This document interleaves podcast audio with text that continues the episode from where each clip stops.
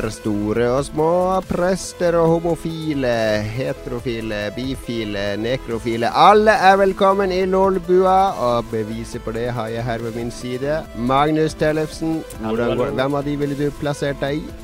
Jeg vet ikke. Jeg, jeg, jeg tror jeg går inn i, i de aller fleste av de kategoriene. Jeg bytter litt på. Tar det litt på dagsformen. Ja. Velkommen skal det være til episode 112 av Lolbua. Og vi har også med eh, Nordlands eh, trompet. Lars Hallo. Rikard Olsen. Ruller, har du fått rullestol ennå? Nei, nå eh, var det litt eh, festligheter i helga, og da gikk jeg mye uten krykke, faktisk. Så jeg går fremover. Så Men eh, nå får går du med krykker igjen. Alkohol døyver smertene. Ja, så gjorde det litt vondt dagen etterpå. Sånn skal det være. Velkommen skal dere være. Jeg heter Jon Cato Lorentzen. Vi skal snakke om eh, diverse ting i ukas Lolbua. Vi har eh, Vi skal bl.a. innom loppemarked og dataspillavhengighet og HBO og eh, True Romance og noen nye og gamle spill vi har spilt. Og så skal vi snakke litt om det jeg kaller nå for hoarding, eller som noen kaller samle på spill. Eh, det blir interessant. Vi har visst nemlig spurt lytterne om åssen har responsen vært der, da, Lars? Eh, Det har vært helt grei. Den var ikke sånn massiv som jeg trodde. Det er jo spillsamling og kjøp og samle opp spill. Det er jo gigantisk pimpa det her i den der spill- og konsoller samlegruppa. Jeg tenkte at For de elsker å vise ting de har samla Ja. inn. Dagens fangst heter det jo gjerne. Det er jo vill. Det er litt som du sier. Litt sånn hoarding på gang, kanskje. Ja, men dagens fangst er jo sånn her eh, Jeg fikk kjøpe eh, et PlayStation 4-spill. Ja, Modern Warfare 2. Det er ikke så mye med retrospill Jo, men det, dagens fangst kan være syv Nintendo 64-spill eller 20 Jo, ja. sånne PlayStation 2-ting. Så det, ja. Men la oss ikke krangle om det, da. Nei, nei, men Vi du, kan er- krangle om det- så mye Jeg annet. merker at du blir Humøret ditt er veldig avhengig av at du får mye respons på Facebook og Twitter før sendinga. Altså, hvis du får masse kommentarer, så er du litt sånn gidd litt. «Åh, det er så mange som har skikkelig god respons. Altså, hvis det ikke er så god respons, så er du litt sånn nedtrykt. Det kommer Er vel mer mer på Er det en riktig observasjon? Ja da, ja da, Jon. Det er helt riktig. Og så kommer det an på hvor mye makkøl jeg drikker. Dagens sending makkøl light. 4,5% lavkaloriøl. Hvor mye kalori er det? Jeg har ikke Er det under 100? Det står på 100, tror jeg. Det står, det står på, ja. hvor mange kalorier er det. Få høre. 30 kalorier per 100 milliliter.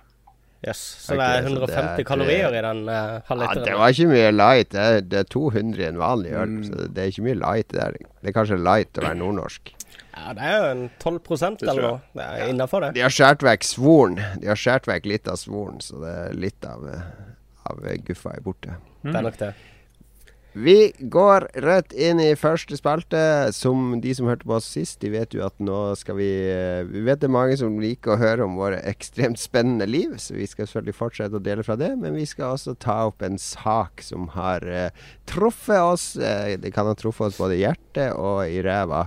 Eller rett i skallen, for den saks skyld. Noe vi har reagert på i uka som har gått. Og Lars, hva med at du begynner, du som er mest forberedt av alle? Jeg er mest forberedt. Hva har vi gjort i det siste? Um, jeg har vært på stor bursdagsfeiring her i uka.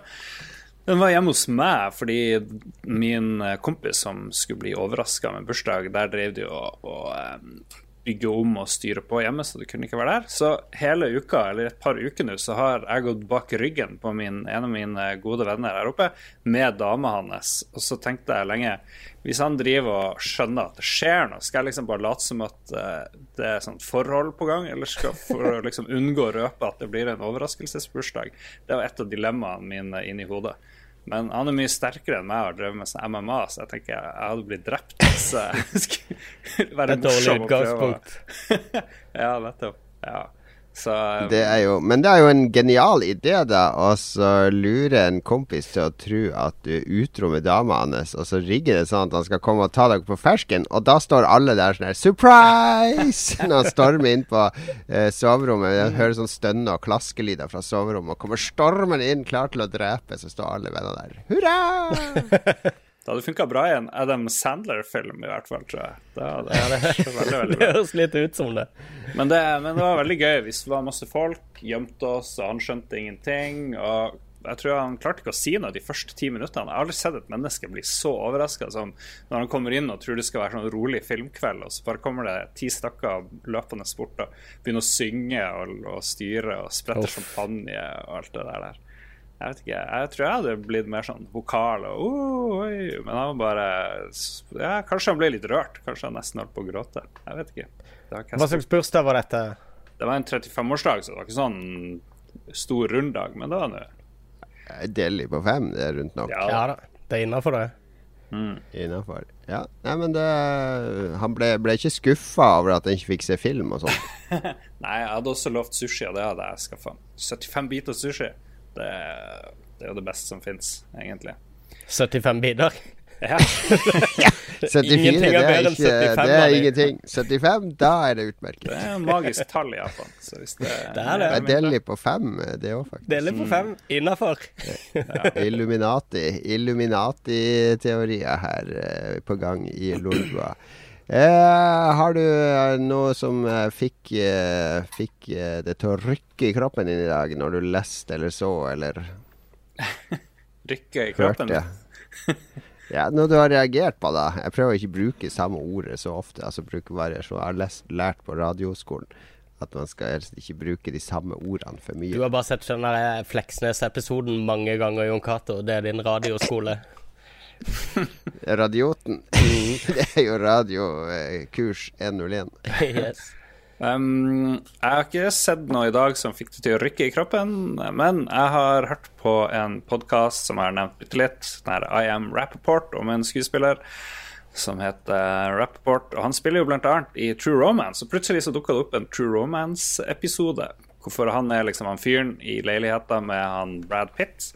Eh, en eh, scene som han sier han Brad Pitt bare improviserte. Det var jo ikke så mye som skulle til da å improvisere og være sånn her totalt eh, stoner og bare sitte der i sofaen. Det kommer jo sånne gangstere og skal spørre han hvor folk er. Ja. sånn. Han James Gandolfini, og det er visst hans første rolle, tror jeg. James Gandolfini. Som- Gandolfini? ja, lærte masse i den her filmen der. Og hun, han øh, Vel Kilmer spiller Elvis og alt det der. Men liksom bare den episoden minte meg om hvor mye jeg liker den der filmen, True Romance, som er regissert av han, øh, han den flinkeste skattbroren. Uh, Brannfakkel. Ikke Ridley Scott, men Tony Scott, som vi også lagde f.eks. verdens beste film, Top Gun, som vi jo Riktig. øh, ikke må glemme. Han døde jo Jeg for noen år siden. den rollen til Brad Pitt var, Det var da jeg, jeg husker jeg liksom slutta å se på Brad Pitt som en sånn her flødepus og tenkte liksom sånn her, Ja, OK, greit, han kan være kul også, etter den rollen der. Men Han, han er jo ikke den flinke Blade Runner og Alien-mann. Er du helt uh, kørka i hodet? Jeg sa det var en brannfakkel. Ja, ja. Tok ikke han livet av seg, han Tony Scott? Jeg vet ikke om Han tok tok vel selvmord i, eh, i, for noen år siden. Jeg visste ikke at det var selvmord. Tror du altså. det var fordi han var så dårlig til å regissere? Og var skyggen av broren hele Ja. livet. Han regisserte vel um, Days of Thunder òg, kanskje, hvis jeg ikke husker feil. Den går jo fint opp mot Blade Runner, f.eks. Ja, det er litt, litt annet Altså, jeg er enig i at Ridley Scott Han har ikke laga mye bra fra, Han har fra mye Gladiator drit og fremover. Ja. Men uh, uh, Ja, Tony Scott er jo ikke akkurat Ja, ja. Det, jeg vet ikke. Skal vi Ja, ja. Deg om det. Deg om det. Ja, Skal vi se. Tony Scott Movies. Jeg er sikker på at han har flere filmer jeg liker enn Rune Men han Scott. uh, også. Rappaport, er det han Michael Er det, er det Michael Rappaport han er det? Ja, han er som spiller det. i uh, uh, Er det Higher Learning? Er det han som er han skinheaden der? Det vet jeg ingenting om. Jeg har ikke sett han i så veldig mye filmer. Jeg bare, jeg bare liker den der um, podkasten, og så liker jeg han i uh, True Romance. Og jeg vet ikke, jeg har ikke sett han i noe annet som jeg husker. Spilte i en dårlig TV-serie, kanskje. han Fikk et par Ja, han har en Sesonger. dødsdårlig sitcom som går nå, der han er en sånn far i familien-type, hvis det er han jeg tror det. Ja, han har sånn lyst hår, eller hva det er. Ja, det er han. Nei, han er ginger. Jeg visste Tony ikke at han var Scott Romance. Tony Scott står bak remaken av en av mine favorittfilmer, nemlig The Taking of the Pelham 123, mm. Som er en eh, briljant 70-tallsfilm eh, med eh, der T-banen i New York blir kapra. Og den er sånn erketypisk New York med alle karakterene, og alt er så veldig New York i den filmen. Jeg har ikke sett remaken, men den er sikkert elendig. Sikkert elendig. Han har jo regissert Crimson Tide, den er ganske kul. True Romance, Last Boy Scout, Beverly Hills Cop 2, Top Gun. Ja, liksom filmer med mye røyk i seg. Han var det vi insisterte på røyk i alle scenene. Hvis dere husker den her eh, Top Gun når de skulle make love med der Kelly McGillis, eller hva het, så var det masse røyk av en eller annen grunn i det soverommet. Han har en spesiell look på, på ting. Jo da, det er flink nok, men kanskje ikke Det er Kanskje ikke går ned i historien sånn som sin Neida. storebror. Nei da, men det ja, Men, men. Ja. Det er jo en morsom film, da. True Romance. Jeg synes den var dritkul. Ja da, den er fin, den. Mm. skrevet av uh, Hva han heter Quentin Shakespeare. Tarantino? Ja, Quentin Shakespeare. absolutt. Ja, ja. Nei, men Det nok om det. broren til William Shakespeare. det. All right. Ja, nei, takk for den eh, inn, innsikten. Altså, i reaksjonsspalten er det lov å reagere på alt. Eh, Det er en sjanse til å ta opp et eller annet som har fått deg til å tenke, eller noe du vil formidle videre. Jeg har gjort Det har vært mitt eh, Det jeg gjør to ganger i år. Det har vært loppemarkedhelg. Hoho, hei, hei. Eh, min eh, kone tok med de to yngste opp på eh, hytta, så jeg skulle jo Det er litt sånn kjedelig når, når de minste barna drar bort, og kona mi så har liksom Hvis de gjør det en helg, så er det sånn oh, guttehelg og spille brettspill til langt på natt og dataspill og se film og drikke øl i trusa i stua og gjøre hva man vil. Men nå var det liksom jobbe, jobbe, jobbe på det loppemarkedet. Fordi vi har loppemarked to ganger i året for korpset til sønnen min, og det var Det var, var sol og snø om en annen, for jeg står alltid ute. Jeg er avdelingsleder ute på sport og fritid. Men så bruker jeg å gå innom elektroavdelinga for å sjekke om de får inn noe spill. Og det gjør de veldig sjelden, fordi alle vet at hvis du vil finne et sånt gammelt Nintendo-spill, så er det verdt 100 000 kroner. Da kan du bare gå på på internett, og så kan du hente 10 000 kroner for eh, det spillet. Alle tror at Nintendo-spill er sånn er sånn her ja, ekstremt mye verdt. Og det er for så vidt Det er jo samleverdi på de. Så det eneste man får inn på det loppemarkedet, er jo gamle Xbox-spill og PlayStation 2-spill og sånne ting. Eh, som er litt begredelig å stå og bla i. Men denne gangen så hadde vi fått inn noe veldig, veldig kult. Nemlig tre Odyssey 2-spill. Altså, eh, det er jo den gamle Magnavox. Odyssey Ja, Magnavox Odyssey-maskinen, som i Europa ble lansert som Philips G7000 i 1977, var det vel? Eh, og vi fikk tre spill komplett i eske med alle Altså, det her var jo spill da som der også har med sånn her digert spillebrett og brikker, for du må Det er jo så lite minne i de gamle spillmaskinene og cartridgene at det ene er sånn Legend of eh, noe rings, eller Jakten på ringen, som det står på den danske eska. Så det er med et sånt stort kart over det fantasyverdenen, og du skal putte sånn markører på kartet når spillet sier at du skal gjøre det for å vite hvor du er. Og du må liksom bruke fysiske ting da for å, for å spille spillet. Da, men det var veldig kult at de var komplette, eh, med alle brikker. Det andre var sånn Wall Street traderspill. Der skal du bli putte masse sånne pengebrikker ut på sånne charts. Og, du har en sånn egen kjøp oss aksjebok, så du må føre for hånd hva du kjøper og selger, hva det koster og sånn. Eh, så veldig analog dataspilling. Men jeg sjekka jo selvfølgelig på eBay hva de, kost, hva de gikk for, og komplette så går det jo for opp mot tusenlappen, for det er jo masse små deler og sånn. Hvor mye betalte du? stakk Nei, vi stakk det til sida. Jeg er ikke så interessert i å samle på gammel drit.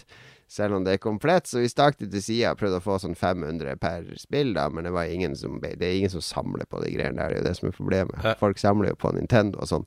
Men ikke de greiene der, så vi stakk det til sida, så nå har jeg de nede i stua, skal jeg se om jeg får noe for de på Finn, eller hvis noen lyttere samler på gamle uh, Odyssey uh, G7000-spill.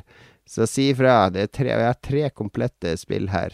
Eh, ikke i mint condition, men i, i bra condition. Jeg tror jeg ville prøvd meg på andre steder enn finn.no. for å selge sånn veldig sære ting.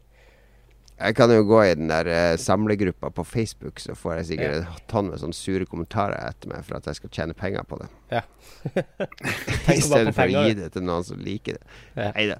Jeg ser hva som skjer med de. Det er, det er veldig morsomt. Og jeg liker jo å se på sånne gamle ting som er intakte, så det var fint. Mm. Mm. Og så har jeg reagert på eh, Det var i sånn Bergensavisen, eller BA, uh, som det heter. Så var det det er, jo, det er jo masse I 2012, var det vel? 2013 så kom det en sånn stortingsmelding om eh, spillavhengigheter. Der de satte av penger hvert år til forskning på både pengespill og dataspill og sånn. Så det har jo kommet Det har blitt en del forskning rundt det de siste fem årene, da. Eh, blant annet symptomer på spillavhengighet og sånn. Og så leste jeg i BA, var litt sånn håpløs overskrift, syns jeg fordi det, det, er en forsker der som har konkludert med at unge og single menn uh, spiller mer enn uh, en andre. Så de er mer i faresonen for å bli spilleavhengige. Hva, har de mer tid til sånn, å gjøre ting aleine? Ja, det var bare sånn Oi, ja, de er kanskje mer tilbøyelige til å drikke mer øl når de sitter hjemme mm. alene. Eller de kan til og med De har tid til å lese flere bøker, da. Også. Så de, de er i faresonen for, for, å lese for mye òg, da. Og komme seg i form. Og, og så videre, og så videre. Uh, så, ble, det er noe sånn forskning som er sånn her um, Litt sånn uh, innlysende. Det er jo sikkert greit å forske det fram, da, men uh, ja. Hmm. Jeg ble, I hvert fall så snakker jeg litt om den artikkelen på vår, vår venne-GroupMe-gruppe, der vi har de Harstad-folkene, fordi jeg blir Ja. Det var ikke alle som var enig med deg. Det er jo Ja. Selvfølgelig må man kunne forske på spilleavhengighet. Man må jo ha et utgangspunkt for det, liksom. Og så må man jo måle. Man skulle jo måle, ikke sant. Er du i faresonen for å være spilleavhengig? Hva du skal spørre om, liksom, hvis du ikke skal spørre om ja, du skal spørre om, for eksempel, En av de tingene du skal spørre om, er eh, Lar du være å gjøre andre aktiviteter, f.eks. skole, jobb, lekser, idrett eller hobbyer, for å spille? Ja. For spill er ikke en hobby. Hvis, for spill er ikke en hobby, nei. Altså, lar du være å gjøre sunnere hobbyer for å spille? Altså, allerede der så har du en eh, viser du en holdning som gjør at det blir vanskelig å akseptere at dette er nøytral, kommer fra et nøytralt sted, hvis du skjønner? Ja, det er et godt poeng. Det er det. Hm. Eller har du aldri gått når du har fått et nytt spill og gått og tenkt på det når du er på jobb og sånn? Det er også et av faresignalene. At du tenker på spill når du ikke spiller. Som du kan gjøre hvis du leser en, en spennende bok, eller ja, er, ser på en spennende TV-serie, eller noe sånt, så sitter du på en kjedelig forelesning og sitter og tenker, lurer på hva som kommer til å skje i neste kapittel, eller whatever. Mm.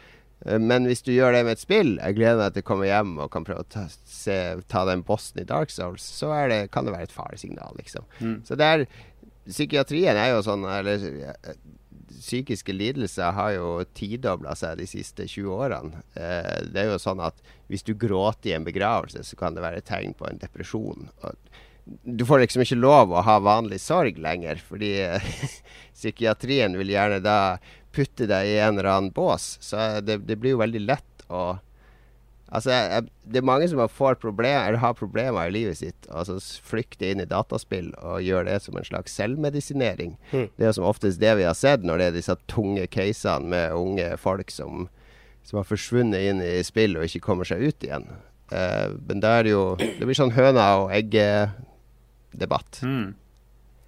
Jo, absolutt. Jeg, jeg, jeg, er nok litt imellom. Eller sånn. jeg, tror det, jeg tror det er viktig å ikke som Lars sier, jeg tror, jeg tror, det er viktig å forske på det. Jeg syns det er interessant at folk forsker på spillavhengighet. Uh, jeg er enig i at de, de må jo ha et utgangspunkt som er kanskje noenlunde nøytralt. Men hvis du, hvis du, ser på nettet at hver gang noen liksom bare prøver å problematisere spilling da, i noen som helst uh, form og farve, så, så kommer piggene ut fra et sånt samla gamermiljø da, om at nei, det er greit med meg, jeg spiller 18 timer om dagen, og se hvor bra jeg har det. Jeg har syv venner i World of Warcraft. Ikke sant? Altså uh, Det må være en balanse der. Jeg, jeg synes jeg applauderer uh, alle forsøk på å finne uh, eller annen, et eller annet svar på det. da. Og jeg, jeg, jeg tror det fins folk som har problematisk forhold til spill, som det fins folk som har problematisk forhold til alt mulig. Men det, det fins et visst sånn sentiment der ute som bare har lyst til å bare friskmelde spilling for, for eh, alle oh, det, jeg er ikke en del av den gruppa Nei, i det hele tatt. Altså, jeg snakker jo ofte om at jeg mener jo at spill påvirker folk, ikke Ja, sant? det er jo hele positivt poenget med og, media. Og negativt. Nei. Ellers hadde det vært helt meningsløst Ja, å spille hadde- hvis jeg ikke kunne eh, la meg inspirere eller påvirke av Ja. spill. Eh, så, så jeg er ikke Jeg er slett ikke i den gruppa, men jeg synes bare at um, eh, det, ja, i, eh, I psykiatrien og sånn, så er de veldig opptatt av diagnoser. Og det er en bransje i stor vekst, og det blir bare mer og mer diagnoser. Og det går litt sånn over stokk og stein. Det er en veldig eh, fin bok jeg leste om det for noen år siden, men eh, jeg kommer ikke på hva den heter nå, da. Men eh, Men diagnostisering er ikke det samme som sykeliggjøring. Da. Det betyr ikke at du lider av noe, selv om du kan gi et navn på det. Det betyr bare at det, det finnes et navn på fenomenet som du kan sette i system med andre fenomener. Da. Det er jo bare en måte å forstå verden på. Den er skrevet av ja, den der uh, Hank von Helvete, var den ikke det? Den der boka, ja. Nei, den er skrevet av uh, Han og Tom Cruise skrev den boka sammen, tror jeg. Det er han som har skrevet den der uh, 'Menn som stirrer på geiter'. Han har skrevet Ja, en bok om uh, psykiatrien. Ja. Han kan jo litt om det, da. Og, og den boka er, heter The Psychopath Test.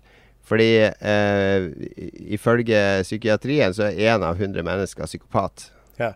Det vil si at du går forbi Når du drar på en vanlig hverdag, Magnus, så passerer du sikkert eh, 40-50 psykopater. Sannsynligvis. Og det er fordi psykopatbegrepet har bare blitt utvida og utvida og utvida, så at mennesker blir definert av eh, borderline-issuene sine. Hvis du har f.eks. du, Magnus, du må ta bilde av nøklene i låsen din når du skal på ferie. Mm. Da vil, det ville du blitt definert som eh, obsessive compulsive i psykiatrien. At du har en, en mental disorder.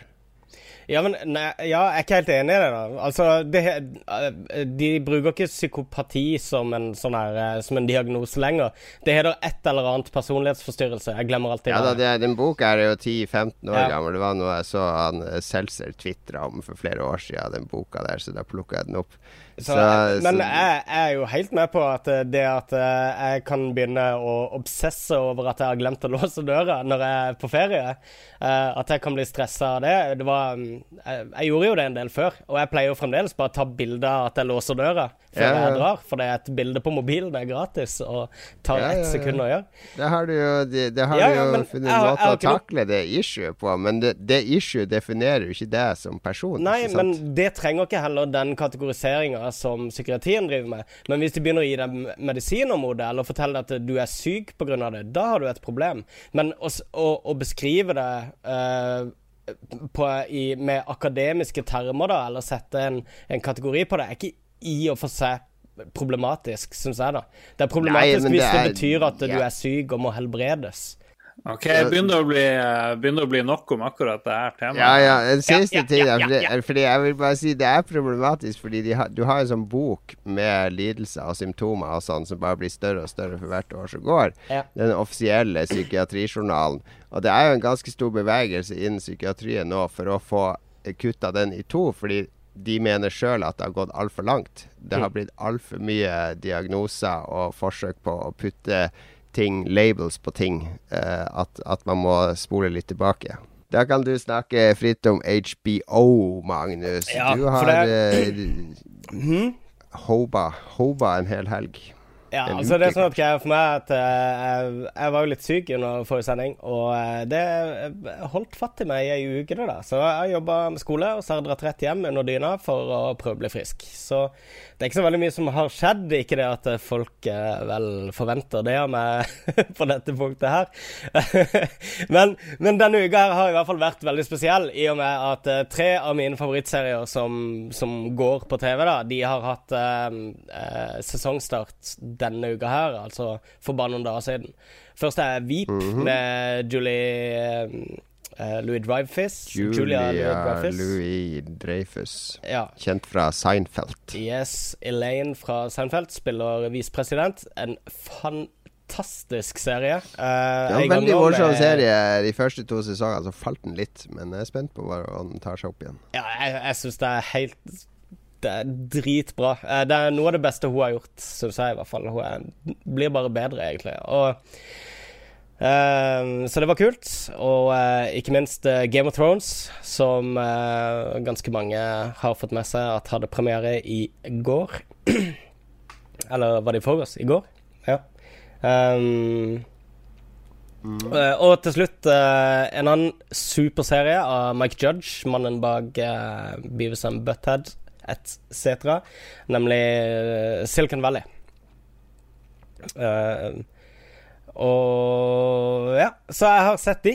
Endelig er tre av mine favorittserier i gang. Jeg, jeg signa opp på HBO uh, Nordic for å um, Bare for å kunne se meg opp litt på de andre, eller på de forskjellige seriene. Jeg så liksom de siste episodene i hver av sesongene sånn i forkant, før jeg så uh, første episode av den nye sesongen. Det liker jeg å gjøre. Og jeg uh, syns det er en viss sånn justice i å signe opp hos dem når de leverer gode serier. I ræva kvalitet.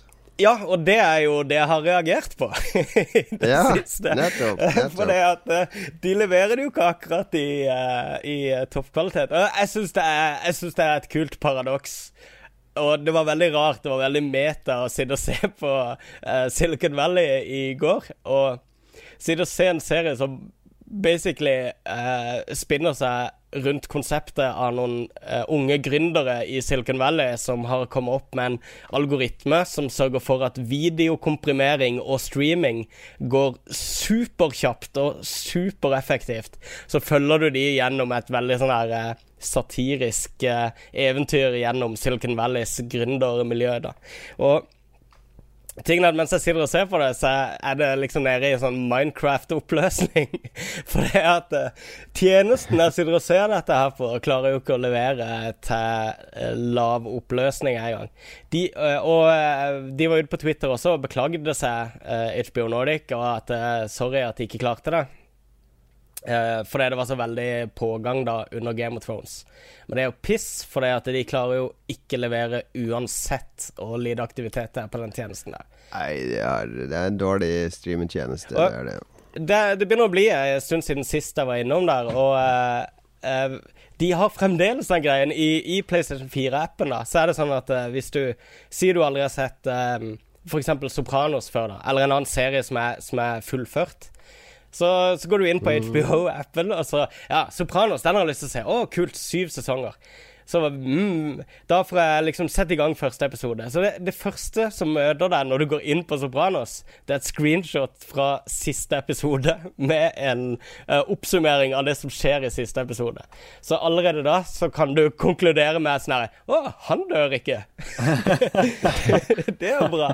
Ja, det er jo, men det er også helt umulig å gå videre til neste episode. Han ja, ja. liksom ut og tilbake, og jeg fatter ikke hva, hva det altså, når, når han har spilt ferdig uh, episoden så bare går han tilbake til det samme bildet, og så har han ikke engang valgt ut for den neste episode, så du må liksom gå et hakk opp, da. For de viser siste episode først. Horribelt. Det er veldig gøy for de som skal begynne på Game of Thrones nå, som må begynne liksom å, å zoome. Eller de må scrolle ned forbi fem sesonger med bilder av folk som ennå ikke skal dø, i serien hvor alle dør idiotisk. Nei, men jeg, jeg så jeg leste i dag at uh, det er annonsert en ny sånn strømmetjeneste i USA nå, så nå må jeg få opp ned VPN-en min igjen. Ja. Uh, nemlig uh, Turner Classic Movies. Og Kriterion går sammen om en egen streamekanal. Så ja. Kriterion-filmer husker jo vi som samla på laserdisk i sin mm. tid, og, og, og DVD òg, for så vidt. Kriterion var liksom laserdiskens Rolls-Royce. Masse sånn Arthouse-filmer fra Fete hele verden. Gjenutgivelser av av filmer som er umulig å få tak i andre steder. Jeg har en god del uh, Kriterion-filmer på DVD fortsatt. Mange av mine favorittfilmer uh, er gjennomgitt av kriteriene, ofte med masse spesialmateriale, ekstramateriale, essays, analyser osv. Så, videre. så en streametjeneste med masse Kriterion-filmer, og for så vidt Turner Classic Movies, og jeg, jeg liker gamle filmer. Altså, Lars han liker å sitte og se på 80-tallsfilmer. Ja, TCM begynte vel år jeg, jeg, husker da jeg var yngre, så var TCM en sånn kanal som vi hadde hjemme, og da da tenkte jeg liksom at eh, Da var de vel på 70 80-tallet, sånn cirka. På 90-tallet. Så tror Ja. jeg TCM viste, viste 70-tallsfilmer. Og jeg tenkte nå er det ikke lenge til jeg er gammel nok til at TCM begynner å vise filmer jeg husker fra min barndom. Når jeg vil utsette leggetida eh, en halvtime, time, og ligger foran TV-en og skal finne noe å se på, så finner jeg Sånn som nå i helga nå, etter loppmarked, sånn, så satt jeg og så Escape from Alcatraz med Clint Eastwood fra 60-tallet. Eh, det er liksom 60-, 50-, 60-, 70-tallet. Det er dit jeg kaster meg ned til når jeg skal, når jeg skal kose meg. Ja, det er altfor lite av det. Du finner jo nesten ikke det på det er, Jeg sitter jo på Netflix, og det er utrolig mye dårlig sånn her Liam Neeson og bare sånn her halvmoderne drit, ikke sant. Hvorfor har du ikke masse 70-tallsting? Er det fordi ingen vil se det? Det er kanskje det. Det er jo en veldig trist tanke, i så fall. Men dette her med kriterion altså, For det, det som var kult med kriterion Jeg har jo massevis av de kriterion Collections av DVD-ene. Og uh, det som var kult med de, var jo ekstramaterialet. Altså, det var jo ikke noe annet. altså, filmen jo, var jo noen filmen. ganger. Det er så ofte Jeg, jeg har ikke sett så mye på det, men det ja, men det er også at det er filmer sånn som japanske House og, eh, og en del filmer som ikke er å få tak i andre steder, som, Ja som er helt ville filmer. Hver gang jeg var på E3, så kjøpte jeg alltid med meg seks-syv kriteriumfilmer fra Amoeba Records, og gjerne tilfeldige filmer, da, for jeg, jeg ville gjerne bli overraska. Så, så jeg har fått mange, mange positive overraskelser bare ved å se noen randome greier. Ja, jeg ser den. Ser han. Um, Men ja, grunnen til at det er så lite tilgjengelig, Lars, tror jeg også har med Eller i hvert fall noen filmer. Fordi de Turner Classic Movies, eller den Turner-kanalen, de kjøpte jo, tror jeg, hele back-katalogen til en del sånne filmstudioer. Så de har liksom rettigheter på alt fra 70-tallet og nedover til Warner og et par sånne studier som de fikk med på kjøpet av en, en eller annen TV-kanal, husker jeg, i sin tid. Så det kan være noe av forklaringen. Tøft. er det Ted eh, Turner som, uh, som Det eier er Ted Turner sin kanal, ja, Riktig, faktisk. riktig. Jeg så, eh, jeg så en av mine favorittfilmer, 'Alle presidentenes menn', eller 'All the President's Men', her om dagen. Fant den på Blu-ray fordi nettet var nede, selvfølgelig. Hva gjør man da? Da går man i Blu-ray-samlinga. Og så så jeg filmen to ganger. Først vanlig, så med kommentarspor, og så alle dokumentargreiene som fulgte med. Det var heftig, men det var konge. Her er det greit med diagnoser, syns jeg. Er du enig i det, Jon Cato? Her kan vi stille diagnoser. Men det er den med om Watergate. er Ja, det? ja. Om Ja, de to uh, Washington Washington Satt Post du og, og, og gråt noen tårer når du så hvordan det var å være ekte reporter i forhold til Sophie Elise-reporter? Ja, den uh, spesial-Blu-ray-utgaven er ganske gammel, men allerede her er det jo snakk om uh, journalismens nedgang og hvor dårlig det står til i forhold til eh, hvordan det var før. Det er jo sånn film alle redaktører drar frem og tørker tårer når de ser tenker at de kunne Hadde vi levd litt før, så hadde vi vært med på det her, og ikke ikke sittet der og sveppa ut overskrifter og puppeglipp-bilder. Sånn er det. Alright, takk for alle de oppsummeringene. Jeg syns spalten har blitt eh, bra. Kanskje litt lang før det, men den har jo variert nok. Men du, det, det kan eventuelt eh, Lars klippe ned. Ja, det kan Lars klippe ned. Eller bare overdøve når sørlendingen prater, sånn som han har begynt å gjøre. Vi eh, skal ikke overdøve noe som helst her nå. Nå skal vi høre på eh, litt vakker, vakker musikk. Tankene går opp i skyene, enda lenger opp, atmosfæren, og så akkurat idet vi kommer opp mot verdensrommet, så detter vi ned på jorda igjen. Det er i hvert fall det jeg tenker på når jeg hører denne låten.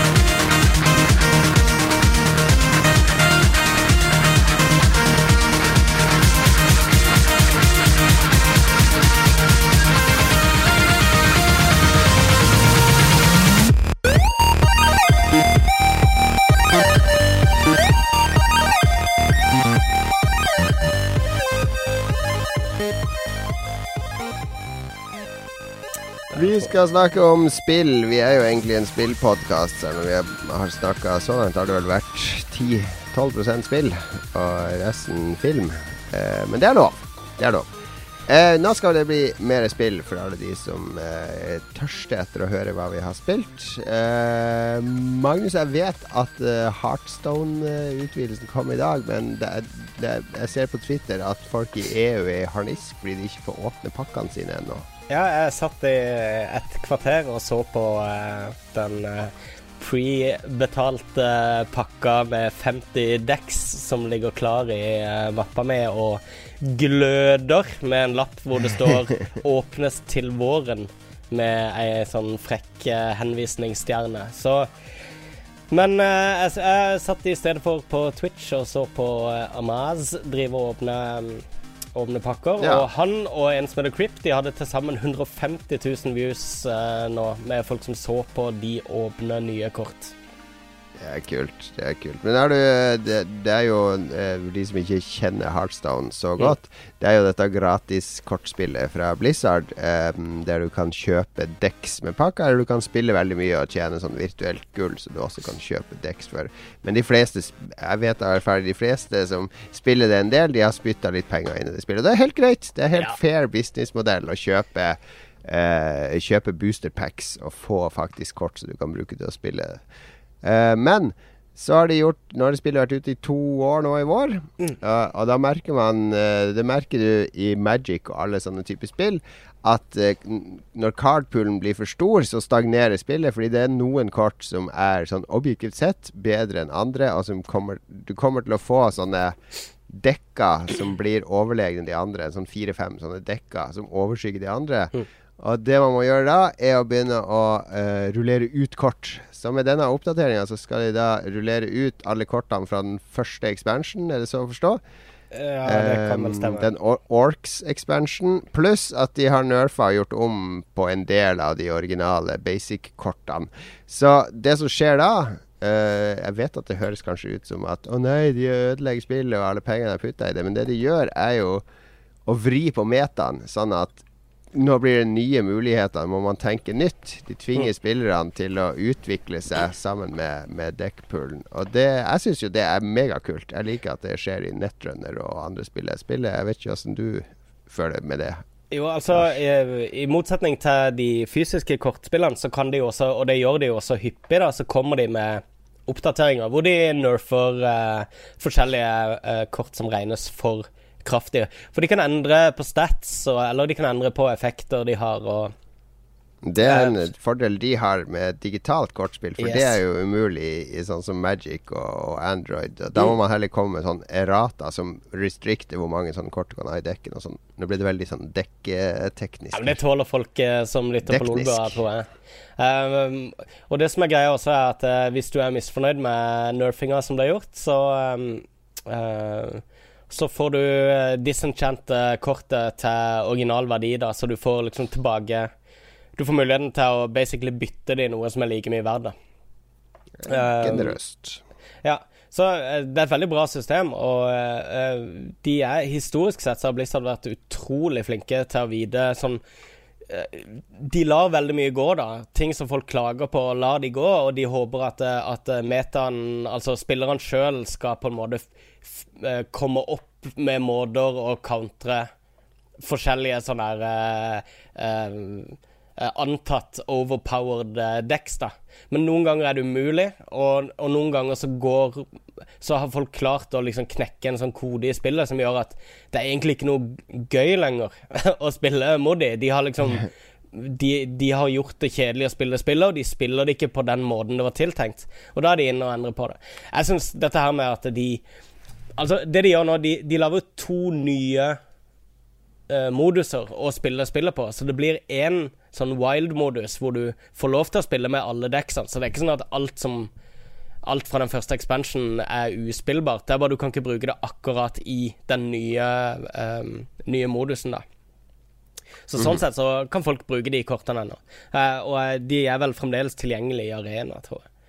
Så, uh, men det er veldig spennende det de gjør. Det eneste jeg savner litt da, er Uh, at ikke det er noe sånn singleplayer dungeon som det har vært i de andre expansionsene. For de er dødsfete. Så jeg Ja, savner noen nye bossfights å kvesse meg på. Hva sier du, Lars? Du har vært unna en stund. Ja, har liksom hevet meg av det. Jeg snakka med en fyr på festen jeg var på på lørdag om Heartstone, og han bare Ja, er det det der kjempeenkle spillet fra Blizzard? Jeg spiller bare Magic the Gathering, og han spiller med kort, fysiske kort, og han gidder ikke å hive seg på nett, liksom. Jeg vet ikke, er det Fins det en sånn overklasse Magic the Gathering-folk der ute som Hva nekter å gå digital? ja, det høres kanskje sånn ut. Tror du det finnes et innbilt hierarki i en rollespill, eh, et rollespillmiljø? Ja, Selvsagt gjør det det. Det er så mye elitisme ute og går at dette blir kvalm. Men um, det er jo et Magic the Gathering-spill også som er ute nå, sånn digital utgave, som Uh, fremdeles sliter litt på interface, og det er, det er veldig kjedelig eh, visuelt, da, og de, det er ikke lagt opp Det er ikke noe interessant. De har liksom ikke utvikla serien noe, de har mer bare lagd rett og slett en digital versjon av kortspillet. Um, Ja. så, som har sett en Ja. del spiller, da. Men folk blir lei av det. Og, og Blizzard gjør det de er flinke til. De tar en sjanger som er etablert, og du, du, hvis du vil være hardcore, så, så spiller du sannsynligvis andre spill, men uh, Blizzard er flinke til å, å, eh, å gjøre det tilgjengelig for alle, og gjøre det interessant og flashy og pent å se på, lett å lære seg, og Ja, da, en viss dybde gameplay. Det er jo Altså, det Magic er mer komplisert og mer levende, kanskje, vil jeg si. Altså, du kan gjøre mye mer hvis du har en veldig stor cardpool, men det koster jo en formue. Eh, og det er mer teknikker og, og sånne ting.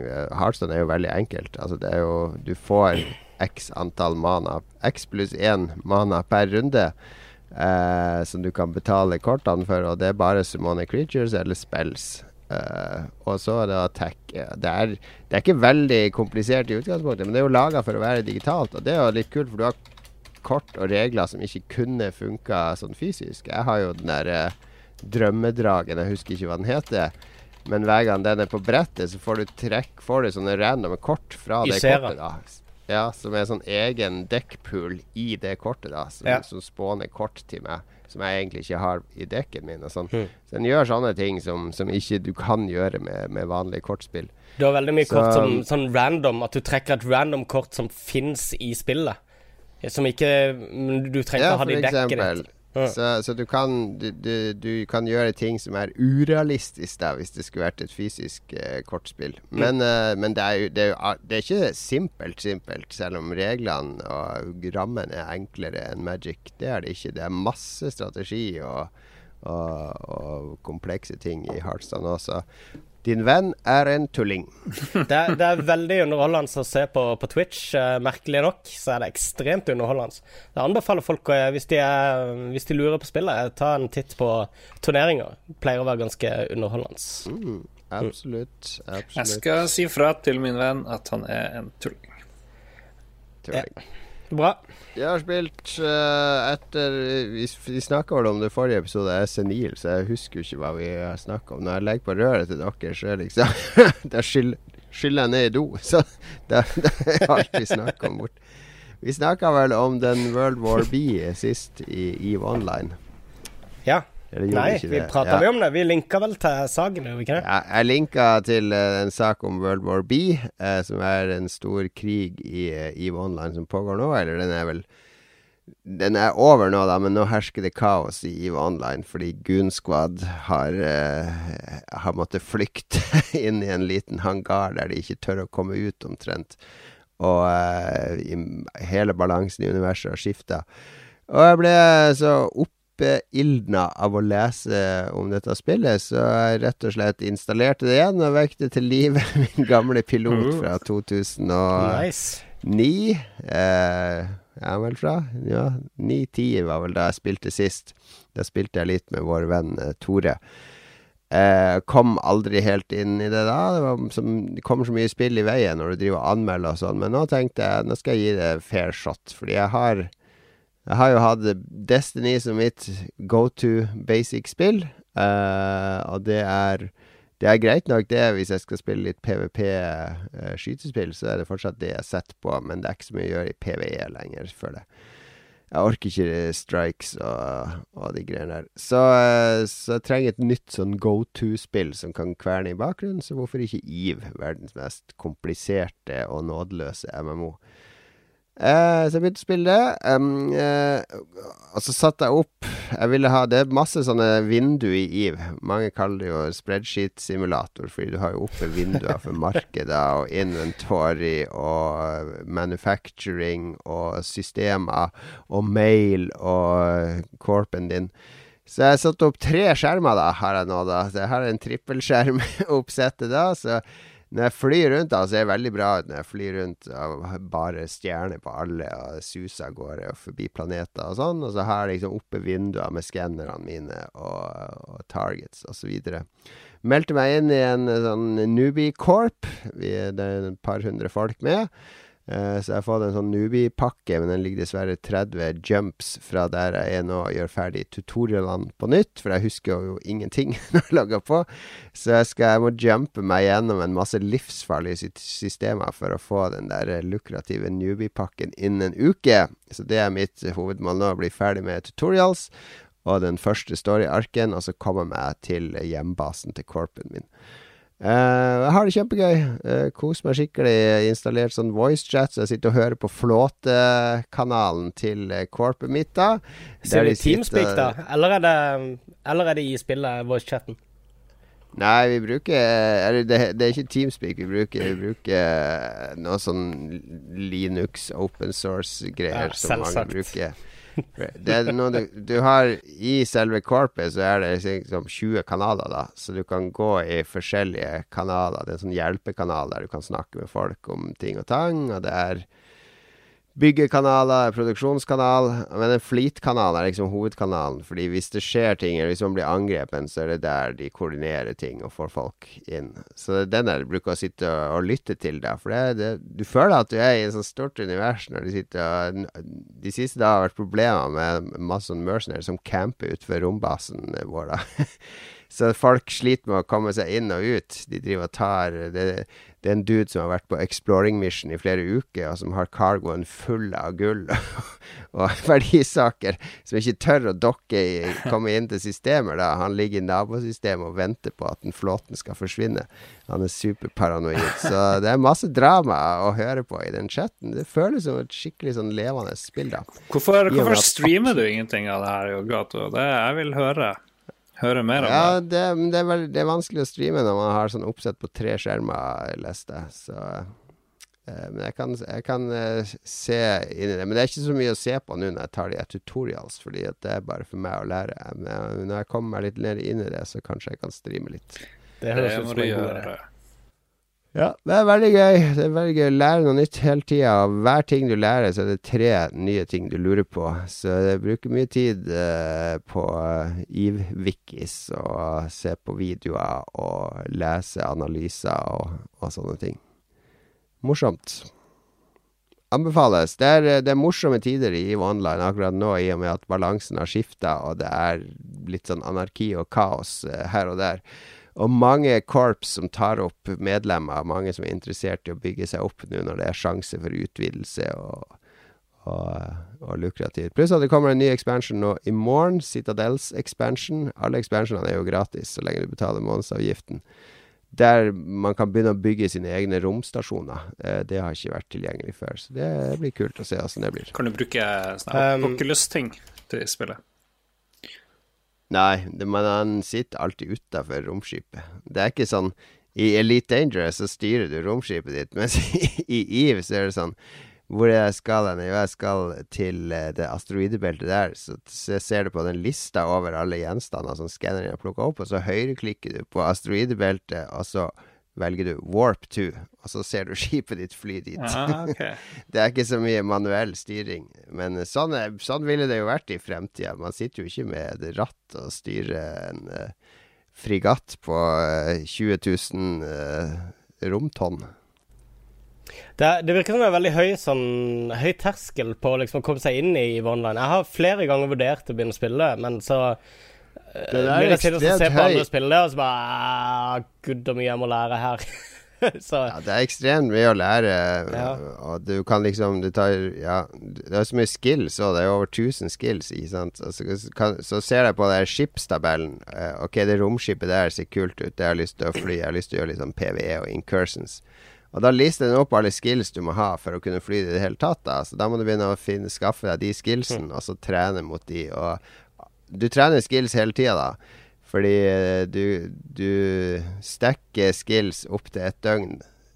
Så hvis jeg skal trene fem skills, så den, den skillen tar 20 minutter, og neste skill tar to timer, og neste skill i ekte tid. Ja, i ekte tid. Ja. Så det, men også når jeg logger av, så fortsetter han å trene de skillene, da. Så det, det er egentlig en kan- sånn precursor til disse mobilspillene. Med sånn Homer er ferdig med å lage donuts om tre timer til. Nei, det, det er fordi at du, du, må, du må velge skills tilpassa det du skal gjøre, da. Jo, Så men jeg tenker på det venteelementet, da. Å ja, ja, nei, det er Det er fordi Fordi det tar tid å trene. Jeg vet ikke. Nei. Hvordan kan, du du kjøpe gjort det, det? kan du kjøpe sånn speedup uh, for ekte penger? Eh, du kan kjøpe sånne skill injection og sånne der uh, implants som gjør at eh, noen skills dobler lærehastigheten og sånn. Det er masse ting å gjøre der. Uh, så jeg, jeg har noe sånn i den der startpakken min som ligger på den romstasjonen. Er det sånn mikrotransaksjoner? Så? Nei, nei, er det, nei, det er ikke det. Ja. Det er ISK. Eh, Altså in game currency. Og Den ene regelen i EVE er jo at det er ikke lov å selge ISK for ekte penger. Da blir Ja. vi permabanda. Sånn Eh, er det i World of Warcraft òg, men det er ikke noe stress å kjøpe gull. Nei, men jeg tror det er litt mer Altså, det IV, de er veldig beskyttende, de som spiller det, da. De er veldig Og det at det er så sinnssykt vanskelig å komme inn i det, ja, det er utrolig komplisert. Men det alle sa, du må bare melde, melde deg inn i en corp. Kom deg inn i en korp så fort som mulig. Så jeg gjorde det. Jeg er jo ikke sånn veldig sosial og glad. Så hei, hei, her er jeg, kan du hjelpe meg? Og sånn. Jeg liker jo å finne ut av ting sjøl.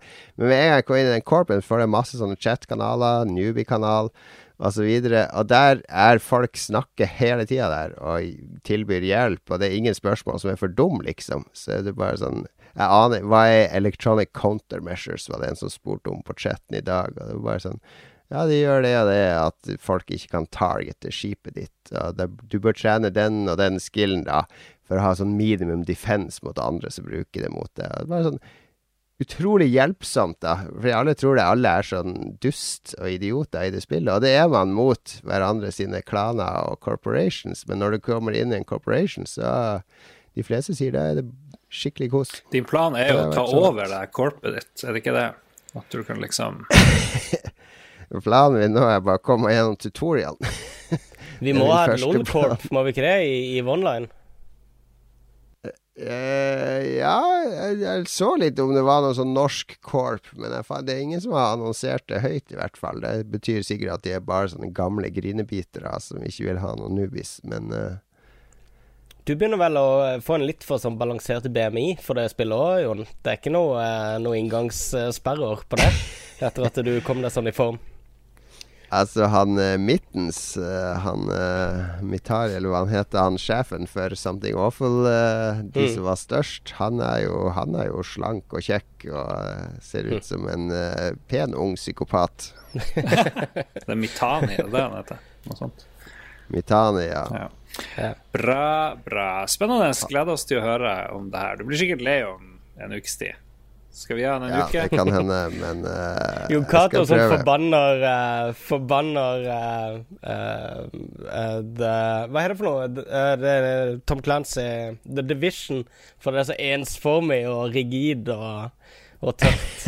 Så sitter du med tre skjermer med spreadsheets og venter 20 Men det, minutter det passer så bra, for jeg kan jobbe til det spillet med de tre skjermene. For i går for eksempel, så måtte jeg skrive noen tekster for, eh, for et magasin som av og til bestiller tekster fra meg. Ja. Så det er deadline i dag tidlig. Og så i går kveld så bare Yes, da rigger jeg til eh, mining-skipet mitt. Kjørte ut, og så mina noen asteroider. Så har jeg oppe den der radaren på sida. Så sitter jeg der og skriver tekstene mine. Holder et halvt øye med radaren, fordi hvis det plutselig dukker opp noen røde skip der, så er det pirater som kommer etter meg, da. Og koste meg. Hørte på ambient eh, elektronisk musikk. Skrev tekster mens jeg inni Jeg var inne i min mineromskip og jobba. Eh, så tjente meg 1,5 millioner ISK på, på den jobbtida. Lars, har du vært i uh, noe mining-romskip i uh, siste uka? Ikke i det hele tatt. Nei, jeg har um, selvfølgelig spilt mye Division. Skal ikke si noe som helst om det. Mye rare problemer ute og går der fremdeles. Det, det er jo galskapens uh, spillet der. Bør egentlig slutte å spille det i en måned, og så komme tilbake. Det er så mye som er galt. Famous last words. Ja. Så jeg måtte jo finne noe annet litt å spille, så prøvde bitte litt mer Dark Souls 3. Um, jeg er veldig gira på å komme meg videre. Men det er sånn hver gang jeg starter opp Dark Souls 3, så går det en halvtime, og så bare fuck it. Jeg gidder ikke. Nå er det altfor mye Det er altfor mye jeg ikke vet, altfor mye jeg ikke skjønner. Jeg trenger en mentor som kan liksom hjelpe meg. Så jeg tenkte jeg skulle spørre enten deg, Magnus, eller Jon, er det noe, hvor langt har dere kommet, og hva må jeg vite i starten? For jeg føler jeg går glipp av noe hele tida, at, liksom, at jeg gjør noe dumt, på noe vis. I Bloodborne så var det veldig greit. I Bloodborne var det veldig greit, for der kunne du liksom counterskyte. Det var liksom min måte å slåss på ofte.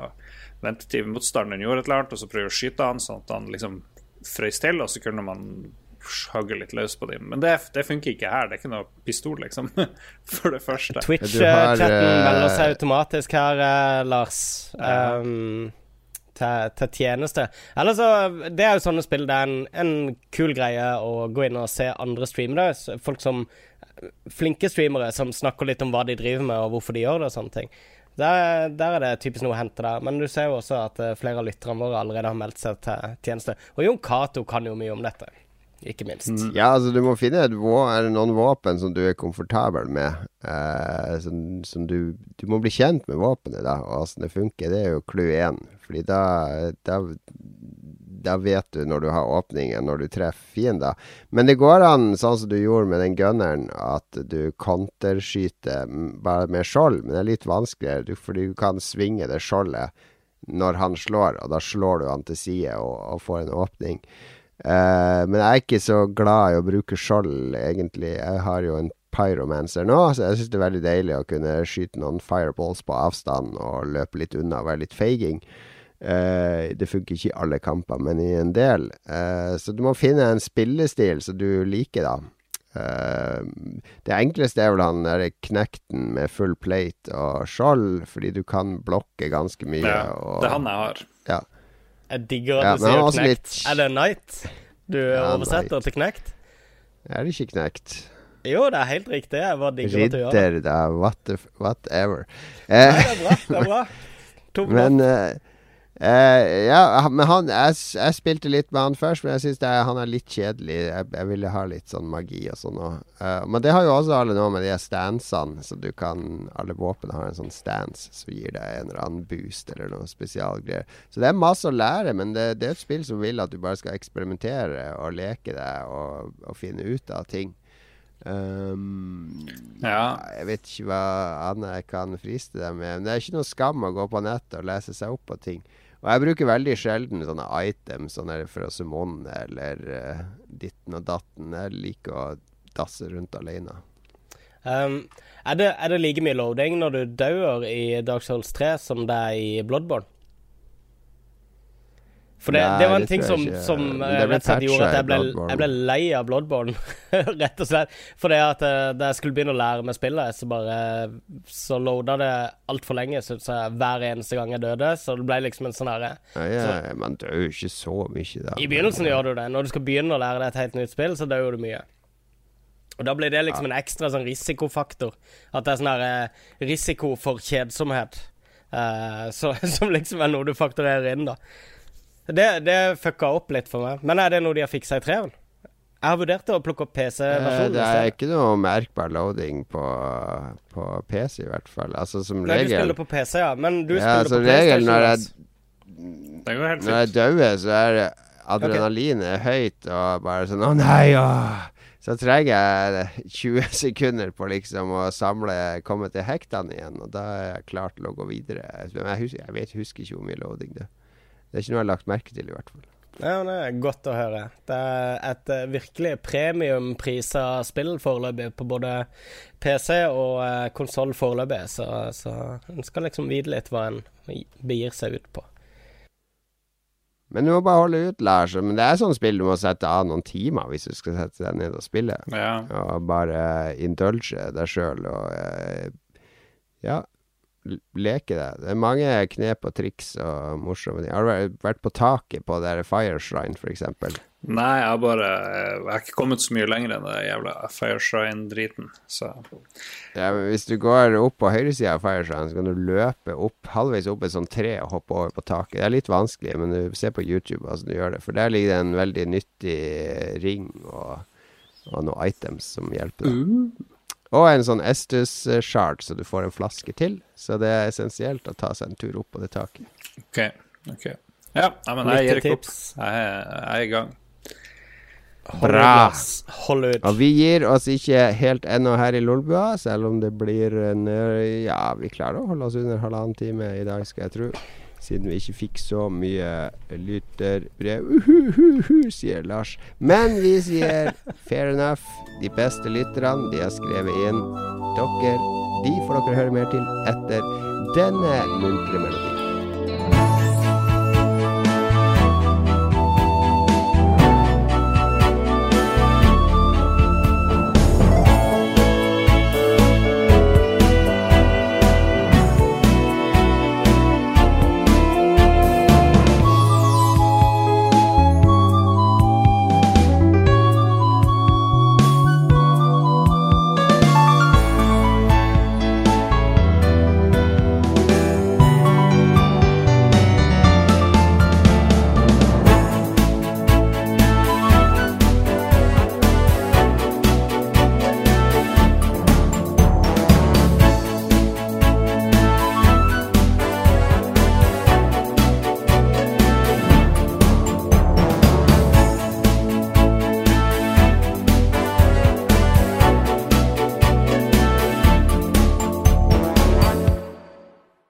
Right. Velkommen tilbake, kjære lyttere.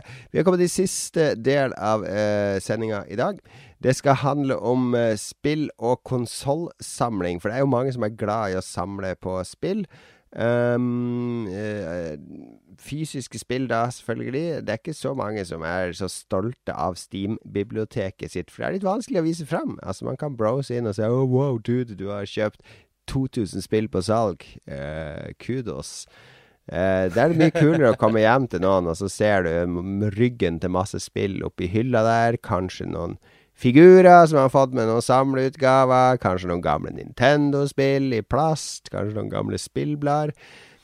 Det er noe med å ha noe fysisk. Det er jo Hele vinyl-tilbakekomsten handler jo også om det der med at det blir et ritual med å sette på en plate, dytte i en kassett, blåse inn i kassetten trykke på brytere, connecte med, med gammel maskinvare. Og vi er vel ikke Du, Lars, du samler litt på spill, eh, gjør ikke du det?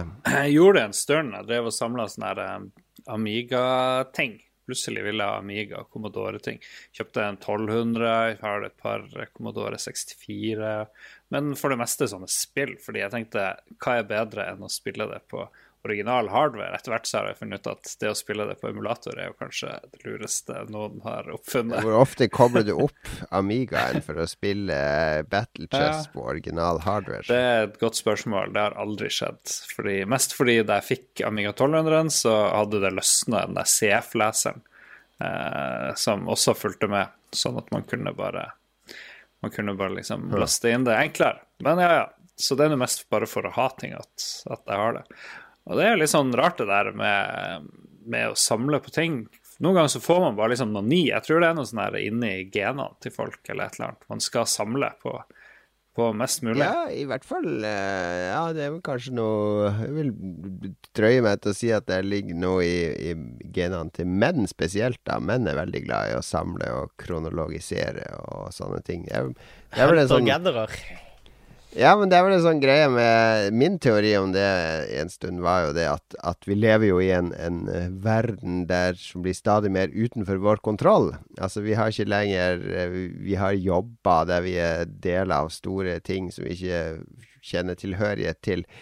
Vi har ting glir mellom fingrene på. Så det å samle på noe, da har du liksom full kontroll. Jeg har full kontroll på denne Rolling Stones-katalogen. Jeg har alt. Det står katalogisert opp her. Jeg vet hvor alle låtene hører hjemme og sånn. Og det samme med spill. Jeg har full kontroll over Nintendo eller, eller whatever.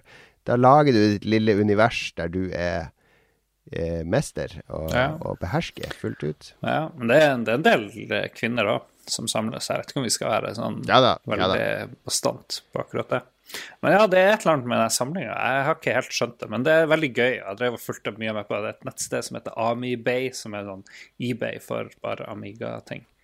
Um, mest fordi alle Commodore 64-ting tror jeg er stort sett råtna opp. Uh, og det driver sikkert Amiga-tingene også å gjøre. Og så har jeg en nes som jeg er veldig glad i, som uh, ligger fint pakka inn. Veldig mint. Minty, mest fordi jeg ikke har noen spilt inn. Jeg bare kjøpte den tilfeldig av en person en gang, så jeg gleder meg til å teste den en gang. Så, men jeg fant ut at vi skulle spørre folk på Fjesboka om eh, deres forhold til å samle ting. Hva er deres mest verdifulle greie, og hva de, eh, hva de har lyst på. Hva de drømmer om å ha i samlinga si mest. Og da har vi fått noen noen svar. Jeg vet ikke om vi skal gå gjennom det, eller kan vi først spørre om dere har Hva er deres mest verdifulle ting i samlinga? Magnus, du samler jo på sånne tech- eller grafikkeventyr. eh, Sånn, du har jo masse big box-ting. Ja, jeg har mye. Jeg har noen kartonger liggende i boden. Jeg tror samlinga mi Altså, da jeg begynte å jobbe i Spiderman, så tror jeg den samleinteressen pika, egentlig.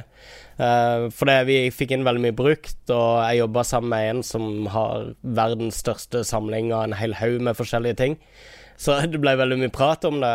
Uh, men etter hvert som jeg har blitt uh, litt eldre og ferdig med å jobbe i spillbutikk, så har jeg vel begynt å sette pris på egentlig bare ha det på harddisken og drite litt i de der gamle tinga. Jeg er ikke så opptatt av samleverdier og sånn lenger, da. Men det var veldig greit for noen år siden da meg og Jon Cato hadde quiz, så ble laptopen min stjålet, og jeg skulle til USA to uker seinere, og da kunne jeg selge f.eks. World of Warcraft eh, Vanilla Collectors Edition i plastikk, solgte jeg for ja, eh, Det var til Det aller første budet jeg fikk bare noen timer etter at jeg la det ut, var 12 000. Og da, det var nok til at jeg kunne kjøpe meg en ny laptop og masse ekstra stæsj i USA.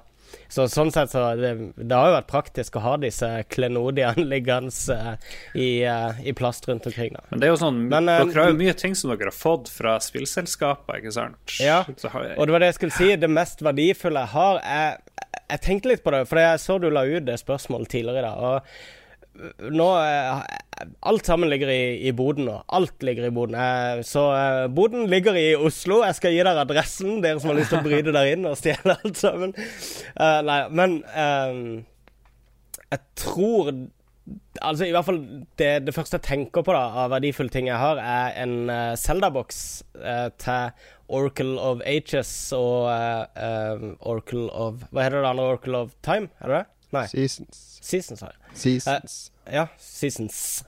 Um, Seasons. En sånn derre dobbeltpack med uh, klistremerkedeksler til uh, Gameboy Advance og Gameboy Color og pins og T-skjorte og bumerangen. er- Den finnes det 500 i verden.